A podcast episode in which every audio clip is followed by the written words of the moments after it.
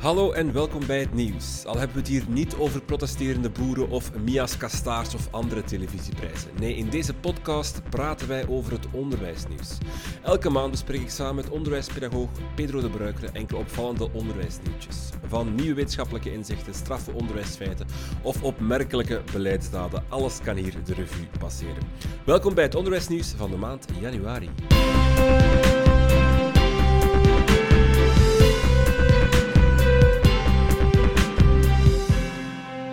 Dag Pedro. Dag Renke, alles goed? Ja hoor, met jou. De nieuwjaarsrecepties overleefd in eh, de maand januari? Wel, trouw aan wat ik de vorige keer gezegd heb, ik heb er echt heel vakkundig kunnen aan ontsnappen. Oké, dat is fantastisch. Ehm, wat bracht de maand van januari voor jou? Ehm, heel veel voorbereidend werk. Ehm, ik kan er nu nog niet veel over zeggen, maar de komende weken zal er van alles verschijnen waar we in alle stilte aan gewerkt hebben en waar mensen dan kunnen uh, van bijleren of op intekenen.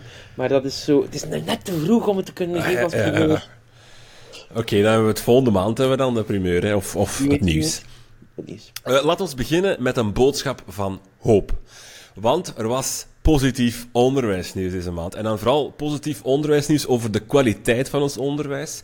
Uh, het stond in alle kranten nog in redelijke goh, voorwaardelijke wijze of in een soort van er, ja, zo, er is misschien wel positief nieuws te melden over uh, onze zesde jaar in het lager onderwijs. Daar heeft Christophe de Witte en zijn team uh, gekeken naar de resultaten die uh, in het katholiek onderwijs, als ik, als ik juist ja. ben, de introductionele proeven eh, en daar heb die analyseert die elke keer. En wat blijkt, ze zijn beter dan de vorige jaren. Mag ik het zo zeggen? Uh, beter dan het vorige jaar. Enkelvoud. Hmm. Want uh, het is nog niet op het niveau van, van, van daarvoor. Uh, maar het is wel... Ja, het woord dat ik meest zien staan heb, is kentering. met, en ook wel altijd mijn vraagteken erbij. Want één zwaluw maakt lente niet. Ehm, we zijn, de cijfers zijn wel voor de eerste keer in 15 jaar hebben we nu nieuws dat het verbetert. En dat is wel goed. En uh, verbetert op, op 8 van de 9 vaardigheden die getest worden. En dat is wel mooi.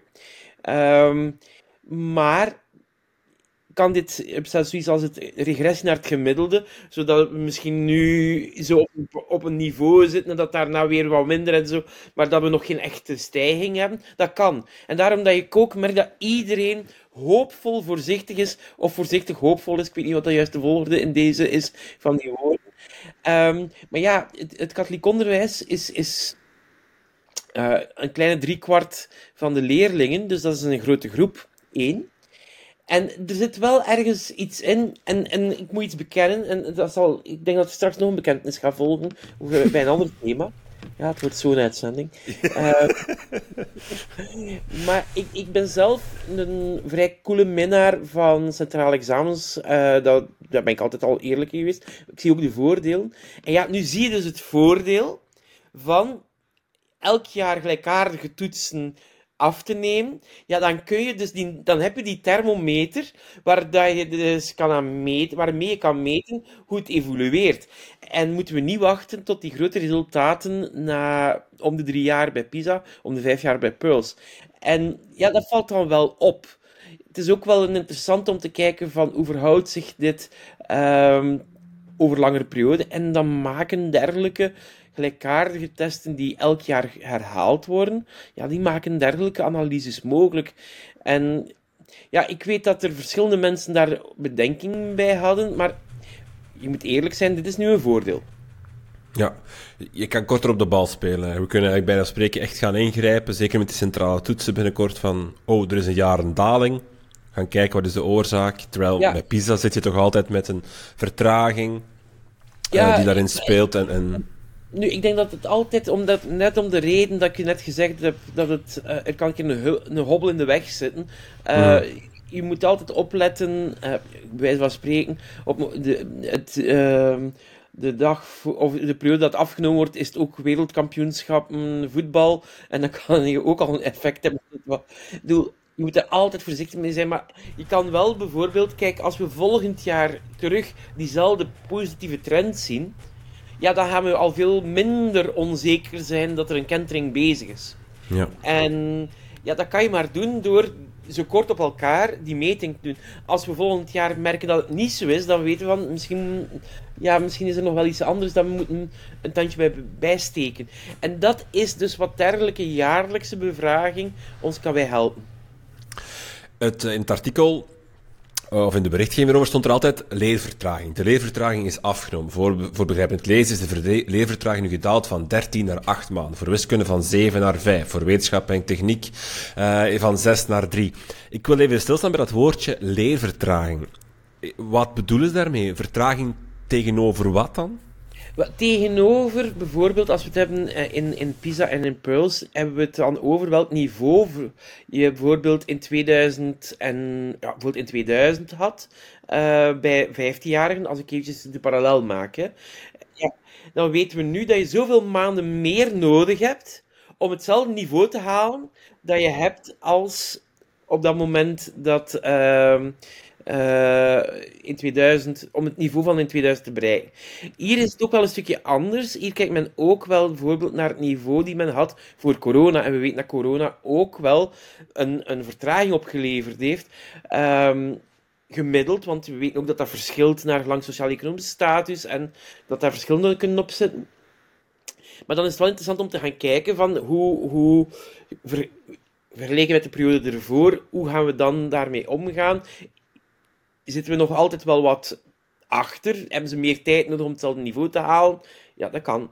Um, nu, opgelet, ook Christophe de Witte heeft ook aangetoond dat bijvoorbeeld het lerarentekort ook een leervertraging kan opleveren als je op een, we hebben dat al een keer vermeld, uh, als je in een klas, in een school van 13 leerkrachten één leerkracht niet aanwezig is, niet, één job niet ingevuld wordt, ja, dan ga je meer dan twee weken leervertraging gaan oplopen voor de kinderen, zowel voor rekenen, meer dan twee weken, uh, als voor taal. En ja, dan ga je ook kijken, dan vergelijk je met de situatie als er geen leerkrachttekort is.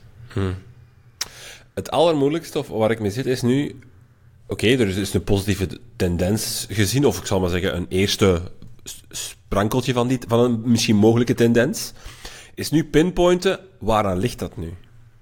Dat lijkt me nu het allermoeilijkste, omdat, omdat op zich, nu, nu zie je, zesdejaars studeren, of doen het beter, maar is die kiem al gelegd in het eerste jaar misschien? En is het gaat over dat het zes jaar beter gaat? Is het omdat het in het zesde jaar nu beter gewerkt wordt? Is het omdat we dit doen? Is het omdat we dat doen? Dat lijkt me nu het allermoeilijkste. Ja, in feite, ik heb jaren geleden ooit gezegd van bij onderwijssystemen waar het niet goed bij loopt, waar wij ook een van dan zou je bijna zoals dat je zo tv-programma's hebt, um, um, crash site investigation of air crash investigation moeten hebben, om te gaan onderzoeken waar het aan ligt. Ja. In feite is dat even interessant om te onderzoeken als iets goed gaat. Want je hebt gelijk.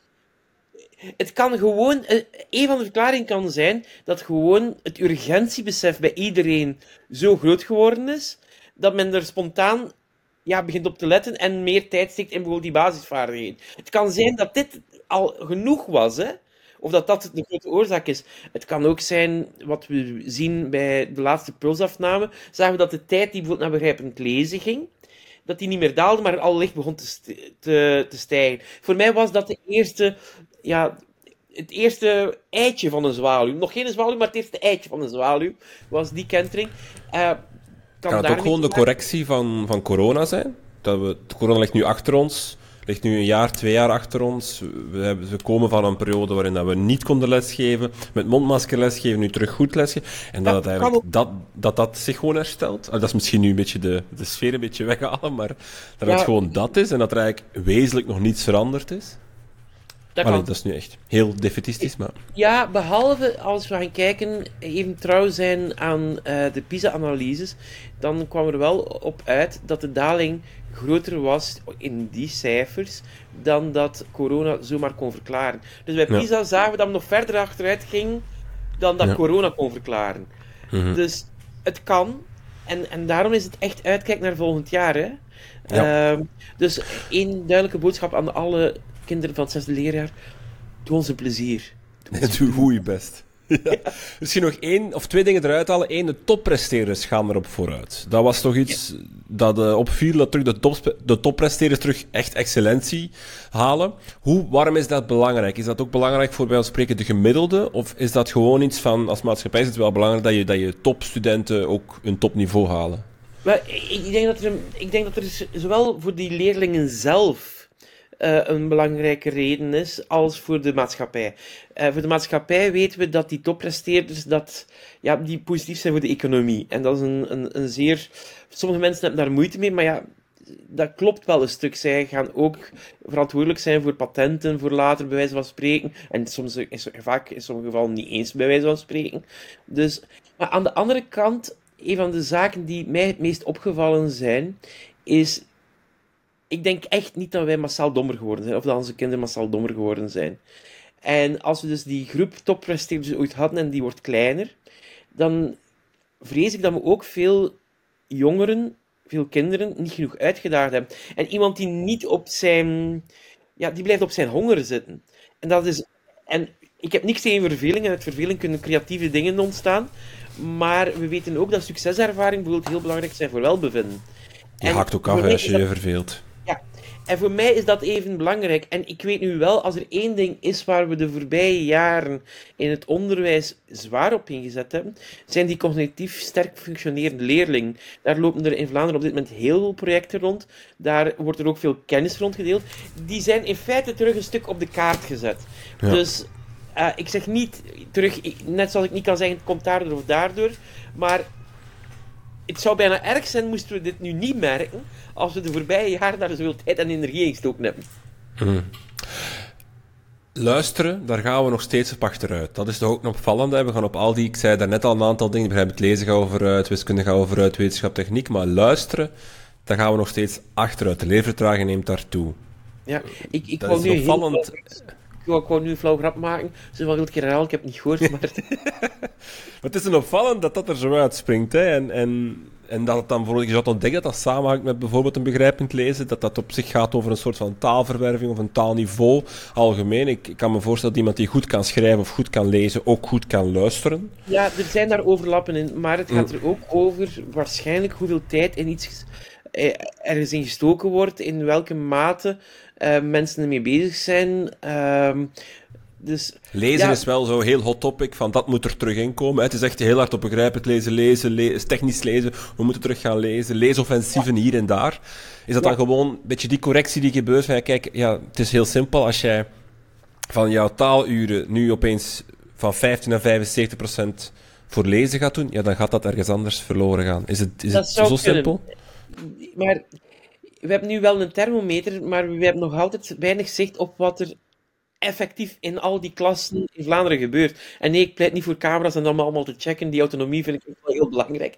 Maar ja, dat kan ook weer een mogelijkheid zijn dat dat daaraan ligt. Maar dat is gissen. Maar ik ben nu heel bang, want ik heb zelf iets overlezen ook. Uh, ja, daar komen we straks toe. Maar, of we moeten het misschien nu gewoon er al direct bij pakken, misschien wel. Um, uh, het gaat over. Je, je hebt eigenlijk een soort van. Dat is wel grappig. Je, je, je stelde de vraag op je blog over jeugdboeken. Ja. Um, en dan heb je een soort van mini-onderzoekje eigenlijk gehouden onder de mensen die jouw blog lezen, over mensen die jou volgen op, op Twitter waarschijnlijk. En uh, jouw conclusie was: uh, er zijn heel veel jeugdboeken, maar de groep van 12 tot 14-jarigen, die komt er eigenlijk wat bekaaid vanaf. Er is een aanbod, niet zo, niet zo groot aanbod voor. Ja maar even een stap terug. Ik kreeg de vraag, ik had in Nederland een lezing gegeven over lezen. Uh, ik was gevraagd om dat te doen. En ik kreeg een mail van een, uh, een leerkracht.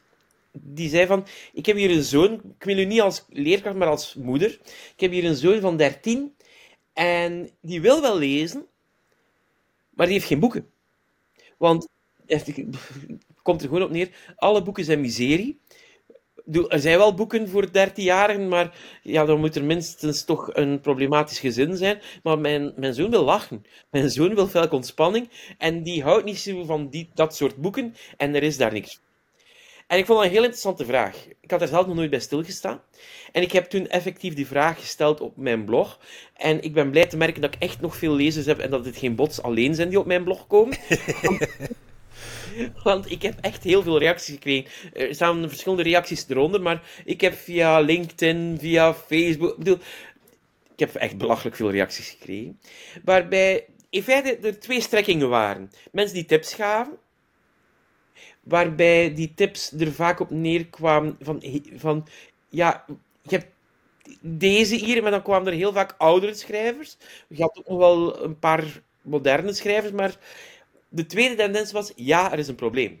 En nu, voor alle, duidelijkheid, dat is geen representatieve steekproef, dus ik zou, wat jij daarnet zei, onderzoeken, ik zou dat woord nooit...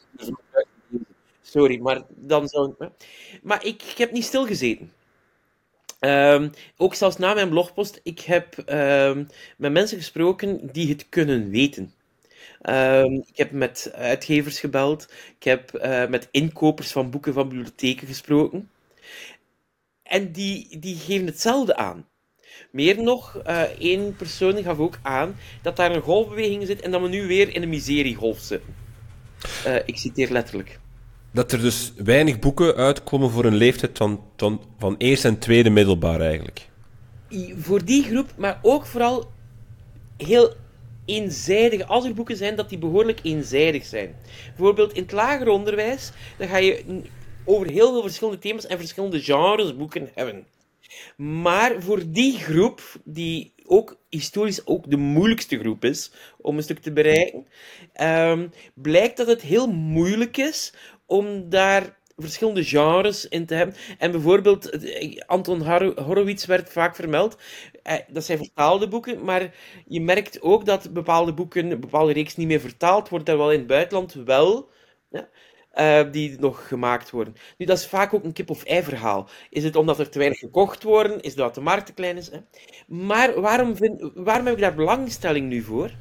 We willen nu, ik had het daarnet over het leesoffensief, massaal onze jongeren aan het lezen krijgen. Ja. Maar als er niks is om te lezen, dan is het gewoon mijn probleem. Ja, ik ga, ik ga zelf het probleem een beetje... Ik heb zelf uh, zeven jaar lesgegeven in het tweede middelbaar, dus ik, ik herken heel goed wat je zegt. En het is inderdaad echt een moeilijke. Je zit heel vaak met boeken daar net onder of uh, boeken daar net boven. Je zit ook, vind ik, heel, heel vaak met een heel groot verschil. Je hebt daar dan vaak een aantal leesbollebozen uh, die in de, al boeken lezen van 400 bladzijden per week. En je hebt uh, leerlingen die bij een spreken moeite hebben met een smart school bericht van vijf lijnen. Dus dat verschil ja. is heel groot. Maar ik merkte zelfs dat bijvoorbeeld ook naar theater toe bijvoorbeeld, dat dat ook een heel moeilijke groep is om bijvoorbeeld theaterstukken voor te kiezen. We hadden vaak maar keuze uit één of twee theaterstukken voor het eerst en tweede. Dus het was gewoon, wat gaan we aan het ene en aan het ander geven? Ja. Uh, dat is een hele moeilijke groep. Uh, ook naar workshops toe, naar, naar, naar dat soort dingen. Dat eerste en tweede middelbaar, dat is een hele moeilijke groep om, om, om, daar, om, dat, om vanuit de cultuursector of vanuit de kunst of vanuit de uh, maatschappelijke workshop-achtige sfeer die worden vaak vergeten. Dat is niet zo'n interessante groep precies, ja, heb maar, ik het, gevoel. Maar, maar, maar, dat is wel de leeftijd waarop dat we ze een stuk ja. verliezen. Ja, klopt. Zeker. En, en, en dus ja, ik ben nu, ik zeg niet, ik ben een, een kruistocht of uh, een optocht bezig, zo van, we moeten daar iets voor doen. Maar het houdt mij wel bezig, want kijk, het ligt mij heel na aan het hart om, om ook die schoolprestaties, maar ook die, ja, die cultuurparticipatie op te krikken.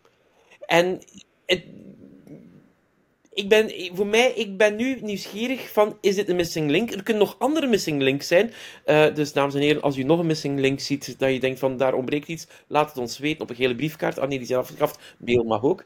Maar die missing links zijn hier wel heel belangrijk, want als we gaan kijken naar de landen die ons voorgegaan zijn, die het positief hebben weten te keren, dan gingen ze ook op zoek naar die missing links. Gingen ze ook op zoek naar die zwakke plekken.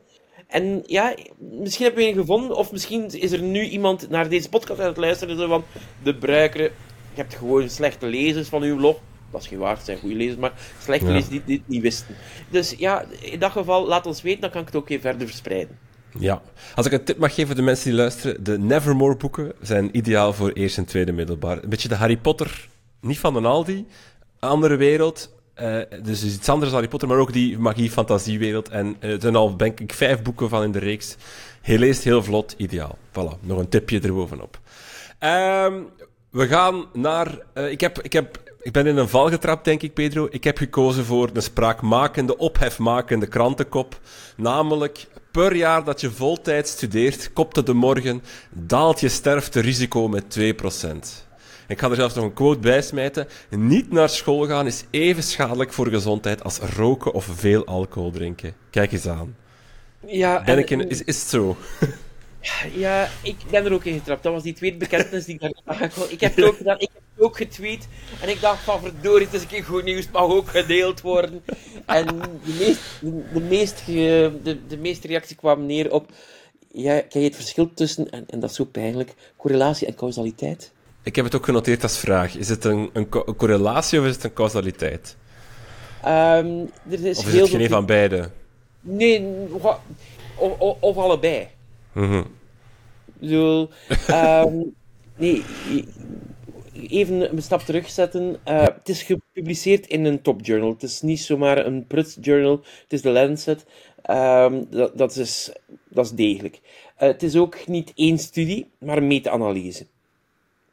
Maar, en dan uh, onder andere Dirk van Damme heeft uh, nogal vernietigende kritiek op uh, de studie gepubliceerd op, of geschreven de, op, op Twitter. Ik volg hard in Twitter, punt.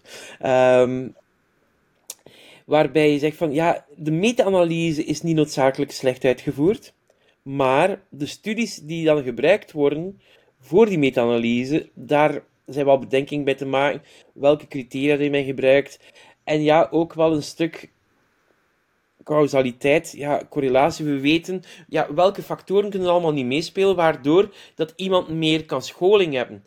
Ook um, extra jaar, en dat is een andere reactie die ik vaak gekregen heb, uh, blijven zitten is ook extra jaren scholing. Maar dat bedoelt men niet, hè. Dus dan moet je eerder gaan kijken eerder gaan kijken naar uh, het niveau dat men haalt. Nu, wat weten we? We weten dat uh, langer naar school gaan, dat dat uh, een van de goedkoper manieren is om je IQ te doen stijgen. We weten dat scholing in feite vaak correleert met langer leven. Dus in feite vertelde het weinig nieuws. Het enige was, we hebben hier nu een meta-analyse dat dat samenbrengt. Um, en dat het ervoor gezorgd heeft dat iemand die altijd tegen andere mensen zegt opletten, verwar causaliteit en correlatie met elkaar, dat zelf naar zijn kop gekregen heeft. Wat op zich is het, en als je, het ook, als je ook het artikel in de morgen bijvoorbeeld leest, is het niet echt heel onlogisch. Hè? Opleidingsniveau en gezondheid uh, en sociale klasse, dat die drie sterk samenhangen ja, daar valt niemand van achterover, denk ik. Het feit wordt er ook gezegd, als je langer studeert, heb je gemiddeld genomen een betere kennis van het menselijk lichaam. Ga je dus ook beter weten wanneer dat je een dokter moet raadplegen en wanneer niet. Wat ervoor zorgt dat je gewoon gezonder gaat zijn. Het feit dat je langer studeert, ga je ook meer kans hebben op een beter betaalde job. Hè. Eh, diploma zorgt voor een beter betaalde job. Uh, dat heeft zijn effect op gezondheid, want ja, je hebt geen financiële moeilijkheden, je kan altijd naar de dokter gaan, dat is nooit een barrière. Nee, maar we weten ook dat als jij je zorgen maakt over je financiële status, of iets financieel, dat je daardoor minder kan leren. Dus die mhm. omgekeerde beweging, die hebben, dat heeft uh, een paar jaar geleden Molenaita en Shafir ook aangetoond met uitgebreid onderzoek. Dus je merkt, daarom dat ik ook zeg van, ja, het klinkt logisch, maar ik kan ook wel voor verschil van die zaken de causaliteit omdraaien. Het is eerder een soort van, ik zou eerder op, het is nooit direct of zo. Het is, het is, de scholing die dan een soort van secundair effect heeft of iets anders ja. teweeg brengt. Wat dan kan zorgen voor een, een betere gezondheid of een langer leven. Het is, hè, dat diploma zorgt voor beter meer geld. Dat zorgt voor dat je een goede medische zorgvoorziening kan, kan voorzien voor jezelf. Dus en, en, en, en, ik wil nu niet tegenover een bediscussieerd uh, onderzoek nu een, een flauwe anekdote zetten. Maar uh, er is iets dat de voorbije weken mij ook een paar mensen op aangesproken hebben. Nu niet mij op aangesproken, maar over geklaagd hebben tegen mij. Um, en, en dat is welke een omkering van wat je net zei. Um, het, het ging eerder over de, de. Ik probeer het nu juist te verwoorden. Um, dat men merkt dat een, een te grote gezondheidsfocus van hoger opgeleide ouders Mhm. Ehm, een, een, ja, een negatief effect zou kunnen hebben op de kinderen. Dat en, moet je even uitleggen. Ja, wel, het is iets dat effectief ook al wel in een onderzoek, uh, meen ik me te herinneren, in Nederland merkte men dat bijvoorbeeld bij bepaalde lagen van de bevolking meer ondervoeding voorkwam bij kinderen, maar dat waren dan opeens de kinderen van eerder hoogopgeleide ouders. Een niche binnen de hoger opgeleide ouders, vanwege een, een, een heel sterke focus op gezonde voeding en, en die kinderen daar een stukje meenemen, waardoor dat die kinderen... Ja, en dat gelijkaardige uh, klachten hebben, hebben mij los van elkaar in twee verschillende landen daar drie mensen uit onderwijs over gesproken. Dat ze dan merken. Um, de aanleiding was, ik, um, één keer toch, uh, er is een heel mooie studie verschenen uh, van Thijs van Pol, um, Thijs Bol, sorry, van de Universiteit van Amsterdam, een paar jaar geleden. Tijdens de eerste coronagolf heeft hij heel veel ouders uh, gevolgd. En een van de vaststellingen was dat er geen verschillen waren tussen hoog- en laagopgeleide ouders, arme en rijke ouders, over hoe belangrijk ze onderwijs vonden. Dus men vond daar geen significant verschil. Wat ik heel interessant vind. En ik, ik had in, op één plek dat men aansprak, had ik ook zeg van, ja, vaak durven wij in het onderwijs denken dat die daar minder mee begaan zijn. Uh, maar dat zijn soms andere omstandigheden, terwijl dat niet noodzakelijk is, omdat ze daar minder mee begaan zijn. En dan kwam er opeens even, die, na mijn lezing kwam hij op mij af. En was een van die drie mensen die zei van, ja, maar ik heb de laatste tijd meer probleem, niet met de laag opgeleide ouders, maar met de hoog opgeleide ouders. En um, ze hadden het over be aware parents. Blijkbaar is dat ook een nieuwe term, ik had er nog niet van gehoord. Maar waarbij dat er in feite een stuk van een evolutie van overbeschermd en over nadenken over. Ja, ja, het is iets dat ik nu niet een kruistocht tegen ga beginnen. Maar ik vind het wel grappig, omdat je dan ook die tegenbeweging ook wel soms een keer oppikt. Wat er bij mij triggert is, en dat zie je wel nog meer terugkomen, en, en ik denk vorige keer hadden we het ook iets over geluk en over onderwijs. Het, het, het voedt voor, zo dit soort onderzoek voedt voor mij een beetje de fetish naar een, naar een hogere scholing en naar een hoger diploma en naar universiteit en naar lang onderwijs. En het, het, het duurt voor mij weer zo een beetje. Als je op je 18 jaar stopt met school, je hebt een diploma uh, elektriciteit en je gaat werken, ja, dan ben je een, dan ben je niet goed bezig met dat slecht voor je gezondheid. Allee, dat komt er hier nu een beetje uit, maar het, het, het, het voedt zo weer die, die druk of het idee van goed is lang studeren, hoge diploma's halen, universiteiten, hogescholen, jarenlang op die school zitten. Dat, dat idee zit daar toch ook, vind ik altijd een beetje in. En dat, we moeten daar ergens vanaf, want we hebben ook kortgeschoolde mensen nodig in onze maatschappij. We kunnen niet iedereen hebben met een, met een bachelor of met een master, want dan hebben we een probleem als onze pompa kapot is. Ja, klopt. En, en er is ook nog wel iets anders. Er, een paar jaar geleden is er een boek uitgekomen uh, van uh, Daniel Cotton, Why Education is Useless. En dat is zo'n boek, een hatelijk boek niet hatelijk omdat hij zegt dat onderwijs overbodig is, maar omdat de man verdomd goede argumenten bovenhaalt. nee, maar nee, gewoon zo. Nee, eh, eh, vooral hoger onderwijs omschrijft hij als een soort van. Ja, dat is in feite gewoon. Uh, veren van een pauw dat we willen op onszelf steken. En dat heeft eigenlijk meer te maken met. Kijk keer hoe lang dat ik gestudeerd heb, eerder dan mm. dat het inhoudelijk is. Want in de praktijk doen ze daar toch niet veel mee. Ik, ik, vat ik doe het boek nu oneer aan door het zo kort door de bocht samen te vatten, maar we hebben nog wel andere thema's aan moeten bespreken. Um, en je hebt gelijk, die fetisch kan daar een stuk door gevoed worden. Um, en, en misschien onverkeerde redenen. Nu, aan de andere kant is het wel zo, en daar ben ik zelf al van geschrokken, dat in bepaalde beroepen, bijvoorbeeld neem schilderen. Uh, de, de, schilder.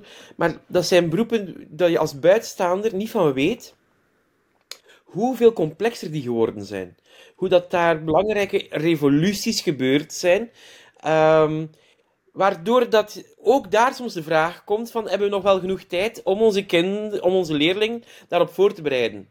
We hebben aan de andere kant, en ik, ik kan nu mij inbeelden dat Christine Hannes al direct gaat zeggen van ja, uh, omdat het een nagel is dat ze vaak op klopt. En er is hier ook al iets voor te zeggen. We merken dat er een soort van ASOisering gebeurd is uh, van, van TSO en BSO, als ik even die oude benaming mag gebruiken, ja. uh, voor het gemak.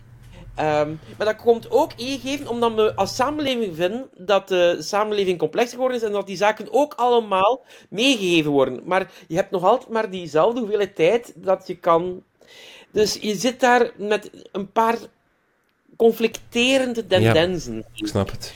Ehm, aan de andere kant kan ik mij ook nog altijd inbeelden, uh, toen men van 14 naar 16 naar 18 jaar ging uh, voor de leerplicht, toen al besefte men dat dat misschien voor verschillende uh, jongeren te lang is. Dat hmm. sommige kinderen echt niet staan te springen om zo lang op de schoolbank te zitten. En als je dan bij wijze van spreken een, een collectieve leertijdverlenging nog krijgt, omdat bijna iedereen een bachelor moet halen, ja, ik weet niet of we dan daar, mm, ja, of dat een goed idee is. Maar um, ik weet dat er verschillende mensen daar andere meningen over hebben. Ik vind dat een boeiende discussie. Hm. Ik heb nu vooral proberen te duiden wat de discussie is. Ik ben er zelf eerlijk gezegd nog ook niet helemaal uit. Hm. Het heeft ook eens met levenslang leren te maken. Hè. Over het feit moet dat altijd in onderwijs gebeuren. Er zijn mensen die gigantische vakman worden op de werkvloer door eenmaal dat ze dan in dat, dat in die, of in die tunnel zitten waarin dat ze zo gepassioneerd zijn, net daar zelfs zonder school gigantisch veel kennis op doen. Enfin, dat is nog zo'n bedenking erbij.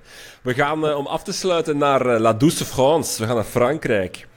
Want ja. daar staat onderwijs ook wel een beetje op zijn kop. Uh, onderwijshervormingen worden daar uh, uh, doorgevoerd. Macron is zich daar echt wel aan het profileren als een onderwijspresident, als ik dat mag zeggen. Um, ja. Eén daarvan is al opvallend: het schooluniform komt terug. Ja, eerst, eerst als een experiment om dan te kijken of het uh, ruim kan doorgevoerd worden. Nu, Macron, eh, de eerste keer dat hij verkozen werd, was een van zijn beloftes. Um, het, uh, af, het verbieden van de telefoon onder de 15 jaar op de scholen. heeft hij gedaan, hè? hij was Velke van de eerste. Uh, ik bedoel, Nederland is nu in januari gestart, Macron was eerst. En nu ja, je, het zijn een paar dingen. Want net over cultuur. Veel meer cultuur op school. Um, echt um, het herintroduceren van een soort van sociale dienstplicht. Dus niet noodzakelijk leren, opvallend. En dat uniform, ja, je kan hier bijna de egalité, want het is vooral ook een stukje, mm, ja, ja de egalité van liberté, fraternité, egalité. De egalité die En, en veel mensen zullen uh, ja, de, de nieuwe regering die hij samengesteld heeft, um, wordt gezien als een soort van ruk naar rechts.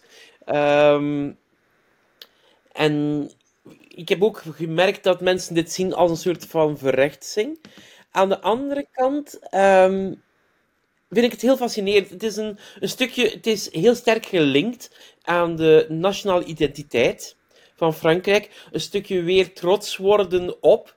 Maar die, er zit ook wel een, een ondertoon in van we moeten uh, de verschillen en de ongelijkheid. De school moet een plaats zijn waar dat, dat eventjes geen plaats heeft. Uh, waarbij dat door het schooluniform in te voeren, dat dit uh, kan nagestreefd worden. Nu, opgelet, als onderzoeker moet ik wel zeggen, dat schooluniform, uh, ben je daar nu voor of tegen? Uh, onderzoek geeft daar weinig munitie voor om te zeggen van dat dat de gelijkheid gaat gaan vergroten. Um, voor het leren, we hebben daar ook uh, bij de toolkit van de EF, de vertaling, hebben we daar ook iets over geschreven. Daar is ook niet zoveel evidentie voor. Um, maar ik ben benieuwd, ik ben vooral benieuwd hoe dat dit um, gaat landen. Want uh, misschien, ja, er zijn nu heel veel landen die uh, Frankrijk volgen in hun smartphoneverbod. Uh, dus zien wij nu wat er binnen zeven jaar massaal gaat gebeuren in de andere landen? Ik weet het niet, maar ik ben benieuwd. Ik vind het vooral een. Um, het is, je, je hebt eigenlijk voorbij decennia een tendens naar de individualisering van, van de maatschappij. Alles naar ik, hè, uh, zelfzorg, dat soort dingen. Uh, en, en ook in onderwijs misschien wel een beetje. Hè? Het feit dat je zo van, je moet, jij moet als... Sorry? Bijvoorbeeld personaliseren, dat een heel groot thema is. Onderwijs op maat. Voilà.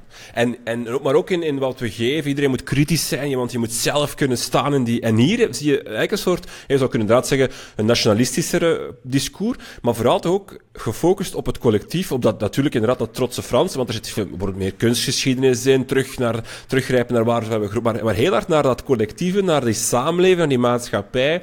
Allemaal hetzelfde uitzien met dat uh, uh, schooluniform, terug dienstplicht. Ik vind daar ook iets heel moois in zitten, want dat wil ook zeggen van kijk, we gaan ook allemaal iets doen voor de samenleving, zonder dat we daar per se voor betaald of, of, of, of moeten, voor moeten worden, maar we gaan gewoon bijdragen, we gaan ons, ons ding doen voor de samenleving, want dat moeten we allemaal doen. We moeten allemaal onze ja, niet schuld vereffenen, maar onze bijdrage leveren. Het zit daar ook heel hard in, vind ik. En dat vind ik op zich wel uh, ergens een verfrissende zet ja, of zo. We hebben, we hebben die bekende drieslag van BISTA, uh, hm. de persoonlijke ontwikkeling, subjectificatie, kwalificatie, socialisatie. En laat ook eerlijk zijn, dat socialisatieaspect, dat leren samenleven en dat collectief... Kwalificatie kwam er heel vaak slecht van, want dat was dan teaching to the test en de economische functie van onderwijs. Maar in feite, die socialisatie, dat was iets dat we ook wel de laatste jaren een beetje. Uh, alhoewel de Gouden Week, dan kwam, komt dat al wel een keer terug. En, en ja, het belang van collective teacher efficacy. En uh, nu meer en meer mensen ook onderzoek doen naar collective student efficacy.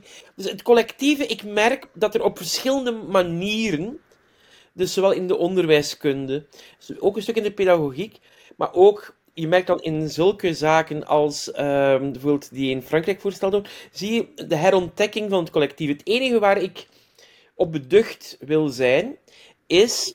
Um, het gaat altijd over evenwichten. Ik bedoel, um, ik denk dat er in veel van wat we de voorbije jaren hebben ook echt waardevolle zaken zaten. Laten we die nu niet uh, het kind met badwater weggieten.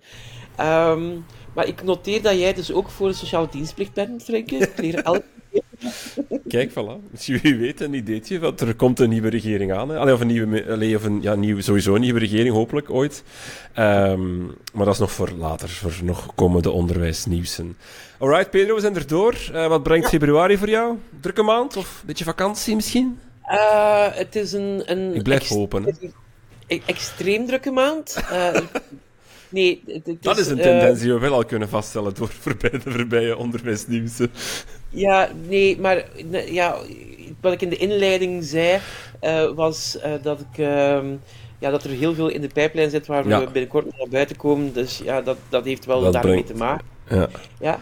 Uh, maar um, ik had onlangs um, opeens meer auteursrechten uit muziek dan ik verwacht had. Ja. Ik moet er niet te veel bij voorstellen, maar en soms krijgt een mens een bedrag dat hij niet zag aankomen. Trouwens, En- een nieuwe, nieuwe plaat van jou komt eraan, hè? Misschien moeten we die to- to- toch juist, hè? Blue and Broke eh, met een nieuwe plaat binnenkort, of is dat al uit? Eh, ze komt op 2 februari uit. Eh, Dus dan zal, is het al uit als deze podcast verschenen is. Ja. Verschijnt. Hij Dus eh, van, dus allemaal naar iTunes. graag. op vinyl? Op Spotify. Vinyl Op te verkrijgen? Die komt, die, die komt eraan. De vinyl wordt geperst, maar daar is een beetje wachttijd. Dus die Ja. komt wel later. Op Een 3 gekleurde februari vinyl? Dus- Is het met zo... Oh, ja. Dus eh, Blue and Broke, de nieuwe plaat, te, eh, te beluisteren op Spotify. En eh, te ik ga het in de show notes zetten, dat de mensen eh, kunnen, Ja, kunnen kopen, downloaden, streamen, Dank al die dingen. Maar ik was feitelijk iets anders aan het zeggen, maar heel veel dank hiervoor, ook namens de rest van de dag. Ehm, maar ehm, ik had... Het tweede concert ooit dat ik in mijn leven gezien heb, was in Flanders Expo van U2, Achtung Baby. En dat was... Ik was 16 jaar, denk ik. En dat was... De spots waren vliegende trapans. En die plaat, die was eh, ehm, echt fantastisch. Maar ze spelen die nu 30 jaar later, spelen ze dat, maar enkel in Las Vegas. In de sfeer. In de sfeer. In de bol. En ik heb eh, vijf maanden gezegd, ik ga het niet doen, ik ga het niet doen, ik ga het niet doen.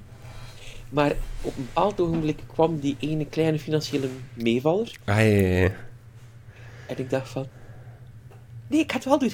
En dus, Dus if- ik ga ook in februari, zonder tegenbericht, ga ik naar die hele grote bol op en af. Want ik heb echt niet veel meer tijd dan dat. En ik heb al, al mijn werk klaar voor wat ik ga doen op het vliegtuig. ja, ja, ja. En zo- Een ecologische afdruk, ik vind het verschrikkelijk. maar wat zeg je? Dus maar ze gingen naar, naar Londen komen zeker, maar dat is uiteindelijk niet doorgegaan omdat te veel licht zou, zou zijn of zo? De sfeer ging naar Londen komen, maar ze hebben geen, uh, geen bouwvergunning gekregen. okay. Nu zou er een sfeer komen, niet noodzakelijk met U2, uh, vooral duidelijkheid, uh, zou er een komen in Azië. Dus okay. laatst dat ik daarover gelezen heb. Maar um, ja, dat, bedoel, het is niet altijd werken, er is nee. muziek spelen en ook wel gaan kijken. Oh, wel, ik, uh, ik, wil een verslag in de volgende uh, podcast over het onderwijsnieuws. Pedro, heel veel dank en ik zie jou in februari. Bye.